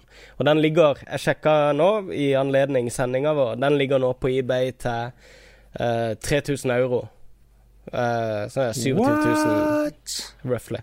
Holy Men om man går for det, vet jeg ikke. Altså, de der eh, spillsamlere er delusional. De tror at, eh, at de bare kan prise det etter hva de syns det er verdt, ikke etter hva egentlig etterspørselen er. Så vanskelig å si.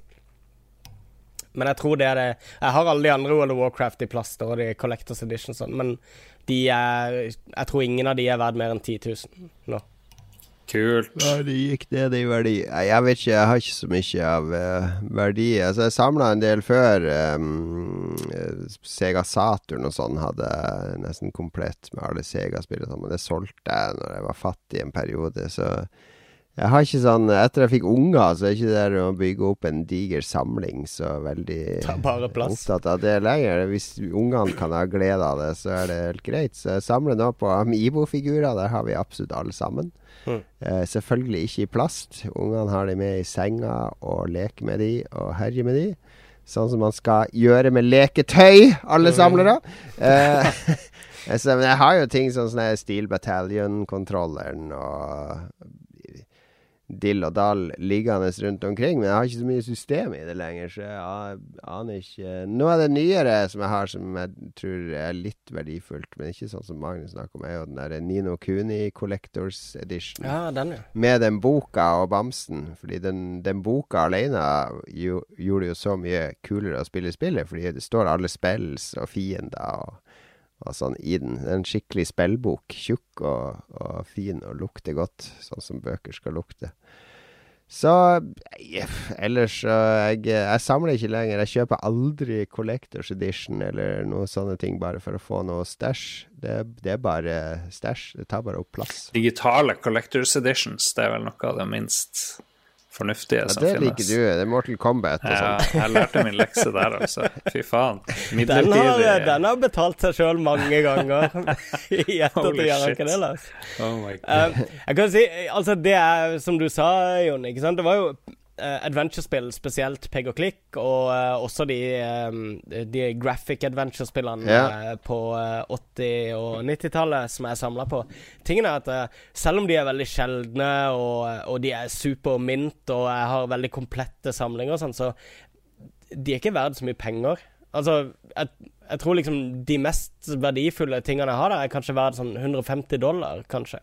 Så det er liksom ikke noe Det er ikke noe marked for å Ja, Og, og sånn er det med mange de, spillmiljøer. Bare fordi det er Mm. sjeldent og gammelt, så betyr det ikke at det er verdt mye penger. Og det er det Nei, hvis det er én som ting jeg samler litt på, bortsett fra Amibo, så er det jo det er en adventure, det òg.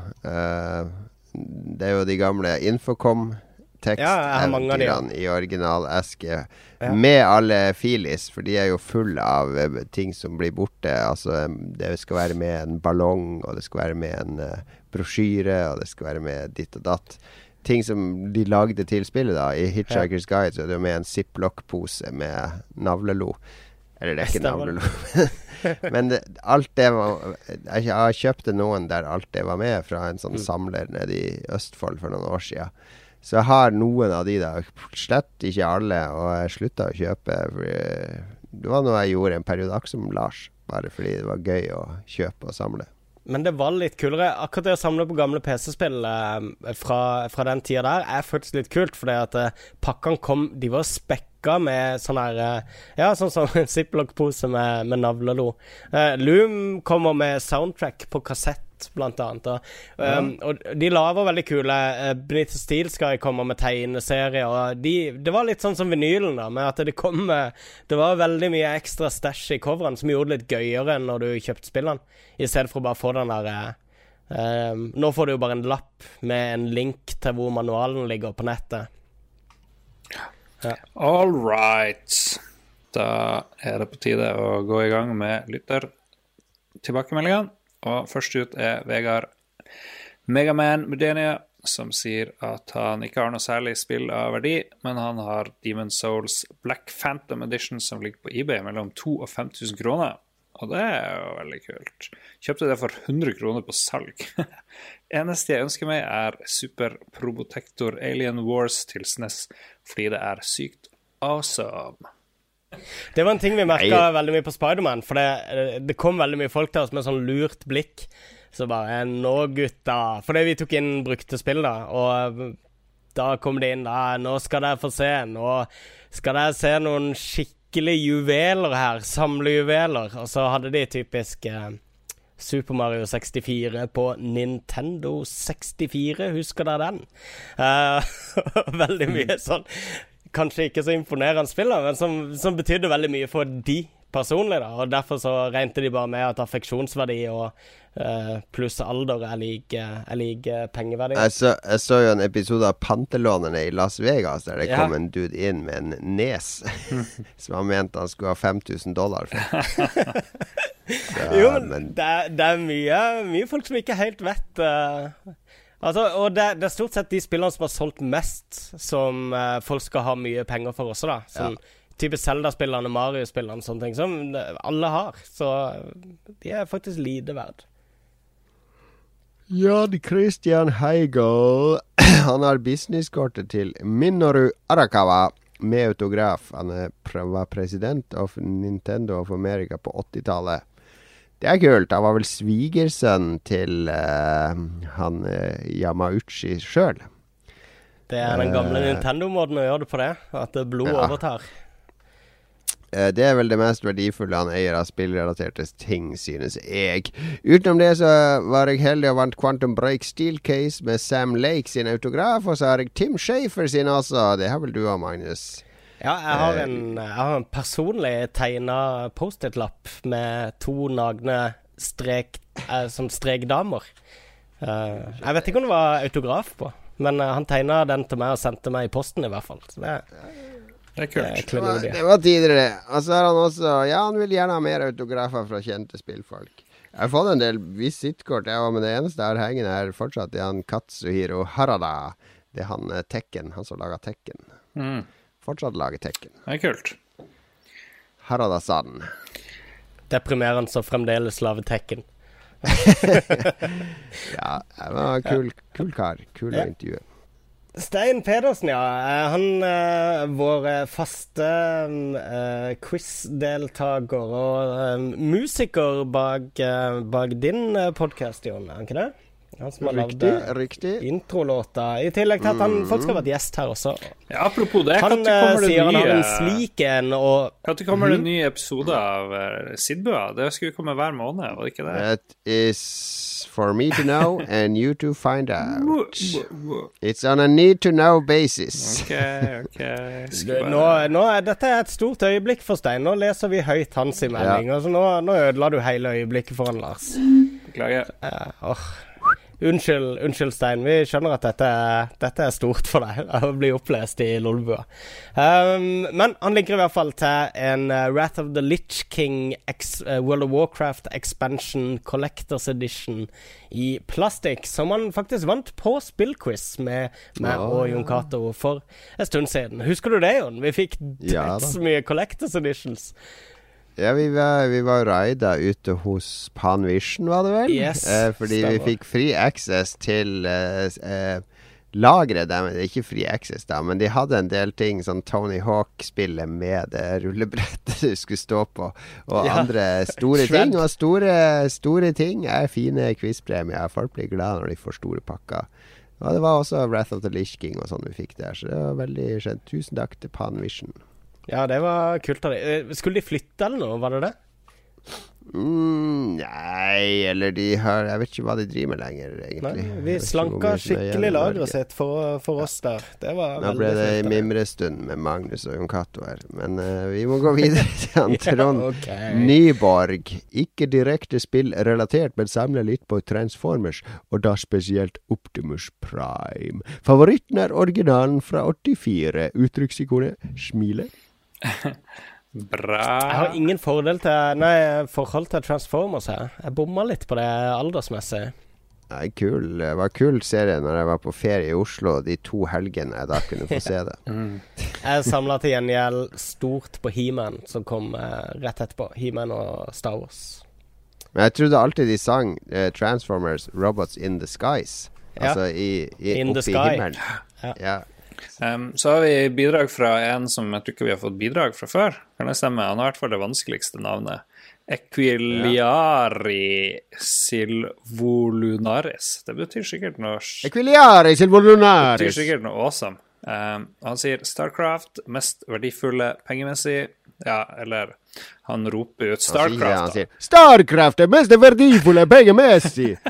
Han Han sendte inn bilde, husker jeg. åpenbart italiensk, så du må lese det på italiensk aksent. ja, han sendte inn bilde i hvert fall av masse Starcraft-ting, så han er kjempefan. Eh, og hvis du vil lese det opp med italiensk show, så må du jo gjerne gjøre det. Nei, det er din, din gjest. Ja. Din, ditt Det mest verdifulle er i hvert fall uh, Sideshow Reynor Sixth Scale Figure.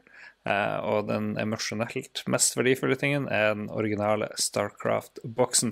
Kan drømme om å skaffe seg Nintendo 64-utgaven. Sjelden og dyr. Visste ikke at det var noe Starcraft på Nintendo 64. Jeg har spilt det. Jeg tror det var Det ble aldri gitt Jo, nei, det, det kom jo Selve spillet kom jo. Gjorde ikke det, Magnus? Starcraft på Nintendo eh, 64. Eh, Det vet jeg faktisk ikke. Jeg var ikke så Jo, veldig Starcraft aktiv på 64, det husker jeg kom, men det var jo Det var jo sikkert megalite opplag på det. Helt sikkert. Men det han virkelig burde trakte etter, er jo Starcraft Ghost, eh, som jeg spilte på, på E3 et år. Eh, det ble jo aldri utgitt. Det var jo sånn third person stelt eh, skytespill. Ja, ja. Eh, så jeg husker godt eh, at jeg spilte, men de klarte aldri å få det til sånn som du ville ha det, så det ble kansellert. Så det er jo Skal du først satse høyt, så gå, for den, da, eh, Silvilianis. Jeg var på, jeg var på Starcraft Ghost-standen på E3 et år, husker jeg. Som var ganske Mhm. stor. Uh, og der var det veldig mye promomateriell som jeg vil tro er ganske mye verdt nå. Så Hadde, du, hadde vi gått rundt med de swagbagsen og samla inn da, og lagt i en safe, så kunne vi uh, lent oss tilbake i dag, Magnus. kunne vi pensjonert oss. Drevet quiz på heltid. Christian Chessem, fastlytter. Takk skal du ha, Christian. Samler egentlig ikke på spill, men har et retrohjørne i Mancaven med en Amiga 500 og en C64C. Begge med spill på SD-USB. C64C-en er gjennomsiktig, men faktisk støpt i originale C64C-støpeformer som ble funnet av en picker i USA for et par år siden. Har Nice. også en C64 breadbin på kontoret som jeg bruker til å teste coding på. Hmm. Her var her er en eh, over gjennomsnittlig interessert i Commodore 64, i hvert fall. Mm, Ja, det vil jeg si. absolutt. Og det er tommel opp fra meg og Lars, i hvert fall. Det er Ikke noe 128 der i gården. Ja, det er ikke alltid at ganger gange to er uh, gjelder for kvaliteten òg, selv om det gjelder for helt tallet. Fikk se bildet på, han la ut på Facebook-sida vår, som alle må sjekke. Og da var, får du se de to. Uh, den gjennomsiktige Commodore 64-en og alt mulig. Så den er jeg litt misunnelig på. Er det du nå? Skal vi over? Nå er vi ferdig med den der uh, spalten der. Vi er det, Jon. Så vi har noen flere lytterspørsmål. Nå må vi, vi jo utsette de uke til uke. Nå må vi få skylt ned i toalettet og så klire av lytterspørsmål-spalten. Skilt Der ned i toalettet. det er din bror har det første spørsmålet her, Jon. Kanskje du har lyst til å lese det? Det, det er tull. Det, det sletter vi. Det er ikke lov å hete så likt med. Jon Andreas Lorentzen. Det nekter jeg for. Jon okay. Andreas og Jon Cato. Det er tvillingbrødrene eh, Ja, Jon Andreas. Hei gutter, kul podkast. Denne går mest til Magnus. Ser du fram til ny Hearthstone expansion? Og du som henger en del på Twitch, har du sjekka ut den norske Hearthstone-streameren Asmodai TV? Han har som regel 500 pluss seere og var lenge Legend Rank 1 denne sesongen. Han streamer på dagtid, men det passer vel bra for en BI-student? uh, ja, vi har allerede snakka en del om expansion, så eh, det er vel, eh, Yes. kom vel tydelig frem at jeg gleder meg smått til den. En Asmodai, da. Asmodai vet jeg godt hvem er. Han eh, Det er vel den eneste som profilerte norske uh, Hearthstone-spilleren. Uh, og han er eh, han, er, han avslutter vel nesten hver runde i topp I hvert fall topp 100. Jeg har sett han i turneringer også. Eh, Han blir nevnt rundt omkring. Eh, så jeg helt tilfeldig ramla inn på streamen hans for noen måneder siden og var litt eh, fascinert av at han var norsk. Er fra Østlandet, til og med. Ja. så han kjenner jeg godt til. Han streamer på dagtid. På dagtid ser jeg, hvis jeg er hjemme, eh, eller på ettermiddagen, så ser jeg på Amaz eller eh, en som heter Zetalot fra Polen. Det er de streamerne jeg følger på Heartstone, da. Så, Ja, eh, men jeg skal ha det i bakhodet. Jeg har Er, de, er det bare hvite? Eller sier har du? Er det litt flerkulturelt, eller er det, ser du bare Amas er kineser, så eh, Ok, yes, det, den er grei. Bra. Skal bare Yes. sjekke. ja, han, er, han bor i Hongkong. Ja, bra, bra, bra. Nei, Men, eh, jeg skal adde Asmodai til Er det stor forskjell ved å se på en norsk streamer og en utenlandsk? Hva er det største forskjellen, syns du? Er det mye sånn øh, øh, øh, når det er Norge? For jeg føler sånn amerikanere bare sånn blablabla, De kan jatte hele tida. Ja. Kjeften går i ett. Mens den norske er ofte sånn øh, de Nei, han litt. er veldig sånn er Veldig Hva skal du si? Veldig i tråd med, med standarden på Twitch. da Men er det noe bra? Um, Skal man liksom skal, Er det bra ting å bare prate uten å liksom Er det det viktigste, at praten skal gå? Nei, nei, det er nyttig Det er jo nyttig det han sier. Han analyserer spillet mens han spiller. Og han har litt sånn PewDiePie-engelsk som er tydelig og lett å forstå. Og eh, du forstår at han ikke er eh, At det ikke er morsmålet, da. Men han eh, klarer å gjøre seg godt Han er komfortabel med å snakke engelsk og tydelig kunnskapsrik, som er Skal du være en nordmann som lager engelsk stream, så må du jo ta på deg Thor Heyerdahl-engelsk. Oh, there, I hope he doesn't play that card. Oh no, this is gonna hurt a lot. Eh, Det eh, ja, det er egentlig der har han. han en, Heyerdahl eh, TV på Twitch. Ja, Jagland kunne kanskje vurdere en eh, liten Twitch-kanal. Internasjonal podkast med Jagland på engelsk. Det er min drøm. Om, om Tor Heyerdahl. Fredrik da, Lars, han kan du ta. Hei, lols. Venter på Daily Premonition i posten etter en knall anmeldelse fra Jon Cato. Lurer bare på om Oh, det yeah. Hæ? Jeg bare slang inn en sånn der eh, smiley i, i lydform. Okay. Lurer bare på om det fremdeles er en spillopplevelse verdt å få med seg også i år 2016. Keep on lolling. Angerboy 2, by the way. Har dere lest Ready Player One? Der tror jeg vi har to spørsmål i ett, så vi må lage litt sånn linjeskift her. Skal vi se. Er det noen spillopplevelser verdt å få med seg i 2016? Så noe vi venter på. Nei, han lurer på om Deadly Premonition er en spilleopplevelse verdt å få med seg i 2016. Og der er svaret ja. Den er, det spillet føles like utdatert i 2016 som det gjorde det året det kom. Så, så svaret er ja. Det er tidløst. Tidløst utdatert, eh, og derav sjarmerende. Metaen sitter liksom mange år seinere. Det er vanskelig å få med seg meningsinnholdet når man skal lage en artig aksent. Ja, men det er også når du lærer på radioskolen. Uh, Ja. Tulleaksent og samtidig tenke klart. Så det er mye jeg har fått ut av det kurset. Jeg har for øvrig brukt 30 000 av Lolbua sine fremtidige inntekter på det kurset for meg sjøl. Det har jeg ikke fortalt det til dere. Men yes, men jeg må hadde flere spørsmål. Um, nei, vi har nytt spørsmål nå. Vi hadde lest Ready Player One ja, Ready Player One Ja, Eh, eh, Har du lest den, Lars? jeg har lest den. Du sluker jo alt. Eh, Du har lest den. Altså, han spør om vi har lest Å ja, OK. Jeg trodde du mente spørsmålet. Herregud. Nå er det faen meg Nå er det for seint på kvelden. det er snart ferdig. Slapp av, folkens. Det er snart ferdig. Ready. Player One. Hva er din dom, Lars? Eh, veldig fin bok, egentlig. Oppfølgeren Armada, verdens dårligste bok, så jeg begynner å tvile på at den der Ready Player One var bra. Forhåpninger til kommende Ja, den er litt sånn one hit wonder, kanskje. Det Muligens. Veldig Han gjentar mye av det som var bra i bok én, bare gjør det mye dårligere. Uh, å Men er bok én en bra bok, eller er det bare litt sånn nostalgia-driven uh, VR-fjås? Den ble mye dårligere etter å ha lest oppfølgeren, i hvert fall. Fordi da bare ser du triksene eh, avkler. Det er litt sånn Det blir litt sånn her eh, Ja, billige triks han bruker. Han nøkker i, i eh, retro- og, nostalgistrengene dine veldig hardt. Men jeg anbefaler å lese Ready Player One. Det, bare ikke les oppfølgeren. Min, eh, min eldste sønn har skrevet skoleoppgave om den, så den treffer sitt publikum.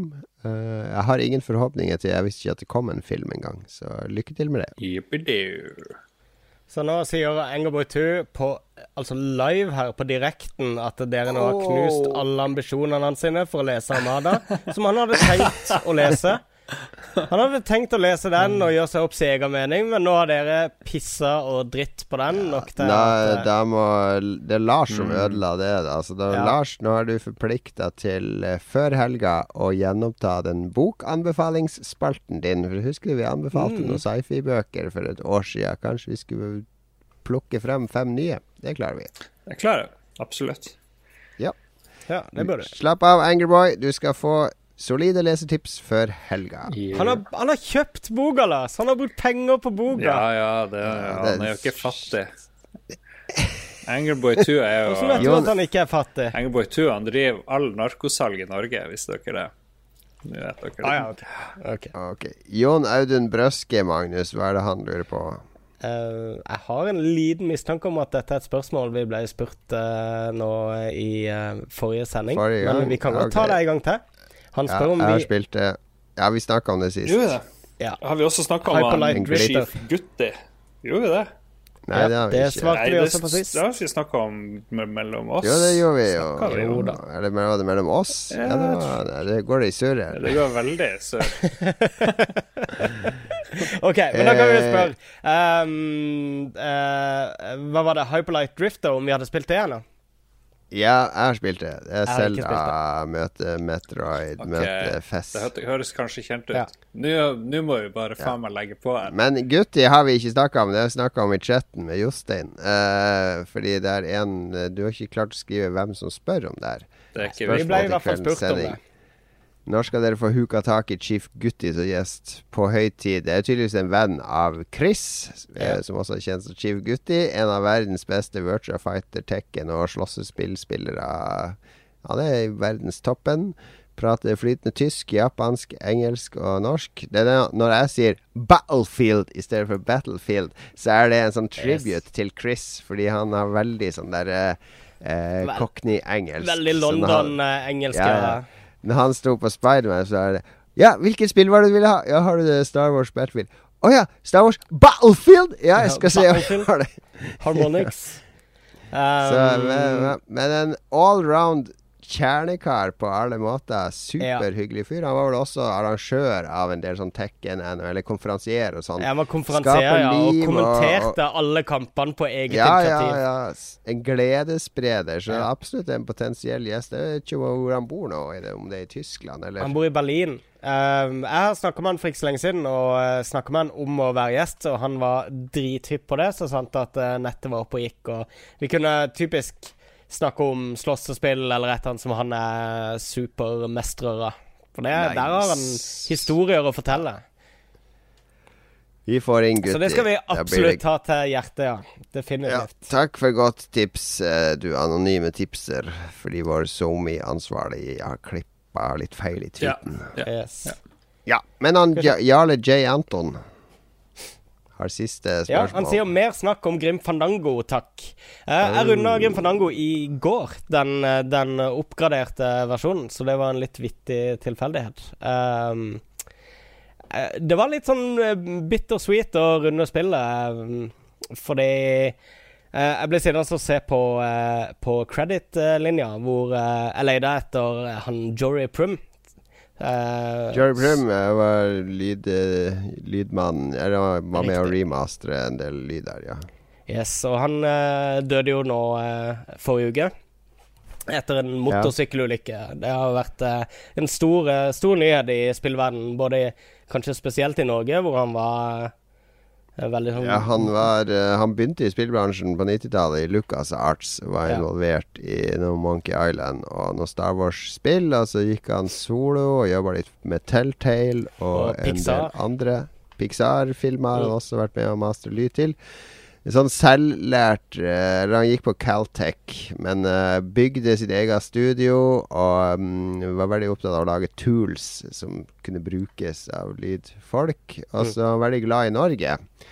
Uh, norsk natur og Norge. Så han uh, For meg, jeg møtte han flere ganger, for meg var han en veldig sånn inspirasjonskilde, fordi han bare Han er glad i Norge. Da flytta jeg til Norge og begynte å jobbe der, og ble en sånn der eh, alle i norsk spillbransje ble kjent med han på et halvt år. Fordi Ja. han, uh, i motsetning til nordmenn som stikker seg inn i et hjørne når de møter andre og bare skal snakke med de de kjenner og sånn, så han, hadde jo, han er jo amerikaner.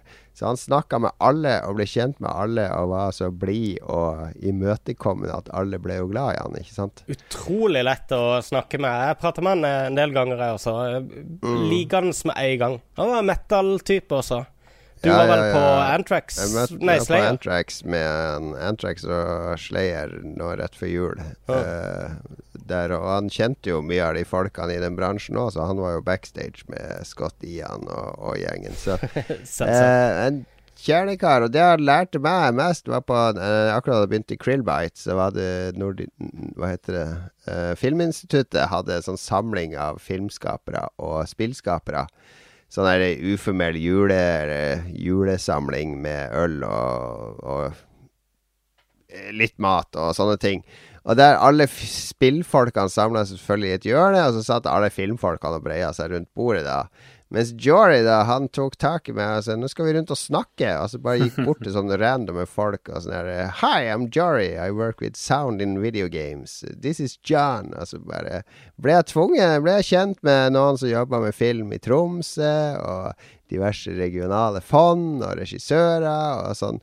Han lærte meg at det var, Jeg er jo en introvert type av natur. Han lærte meg at det var jo ikke noe Det er sånn her du skal gjøre det. Det er derfor du er. Snakk nå litt med folk, og knytt litt kontakter, og, og gjør litt ting. Så de sparka meg litt i ræva. Så det, det vil jeg alltid være takknemlig for. Så, ja, det var han som hadde lyden i um i, Among the Sleep. I Among the Sleep, ja. Var det ikke det? Ja, han, han hjelp, han hjalp oss å få inn Martin Kvale, som er vår lydmann. da Men han, vi har brukt hans studio til å spille inn dialog og, og sånn. Han hjalp å finne stemmeskuespillere, engelske osv. Så, videre. så sentral finger med i veldig mange norske spill.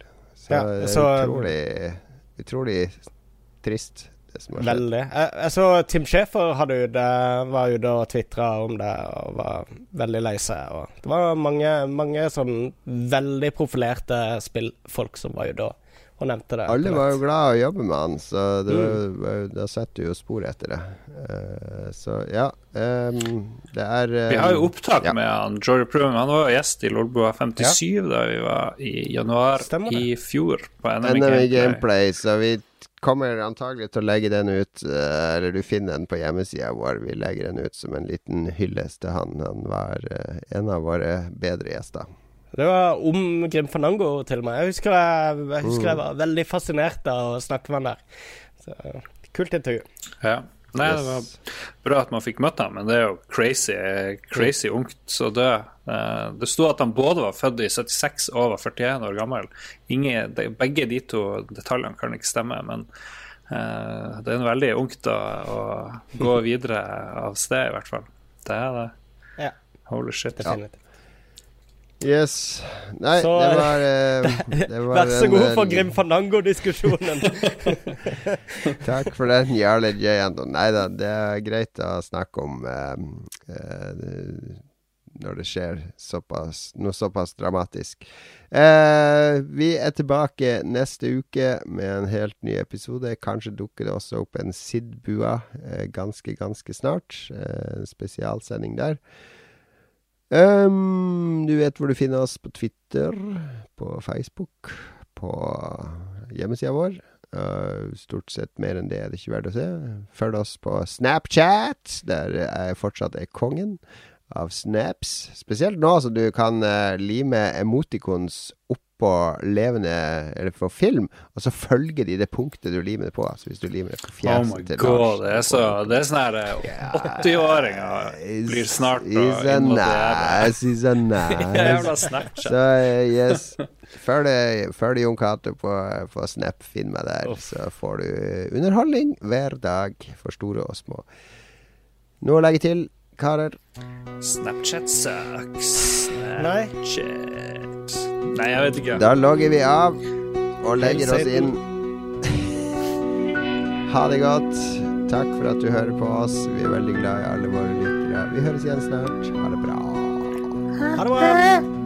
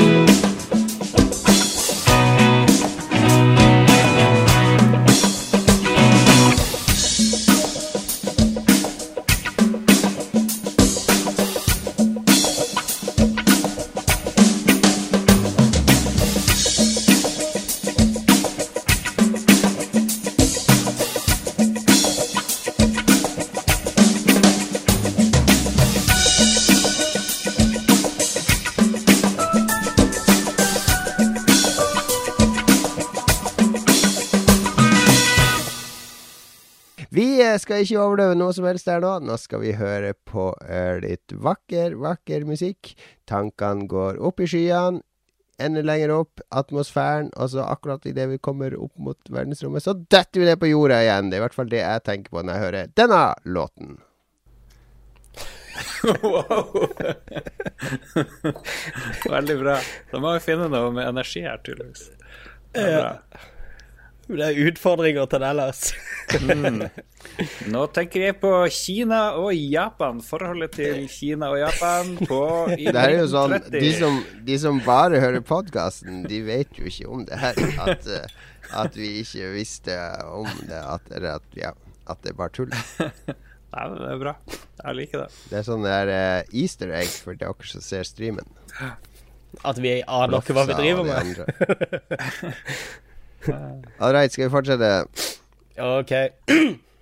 Har du et enkeltpersonforetak eller en liten bedrift? Da er du sikkert lei av å høre meg snakke om hvor enkelt det er med kvitteringer og bilag i fiken, så vi eh, gir oss her, vi. Fordi vi liker enkelt. Fiken superenkelt regnskap.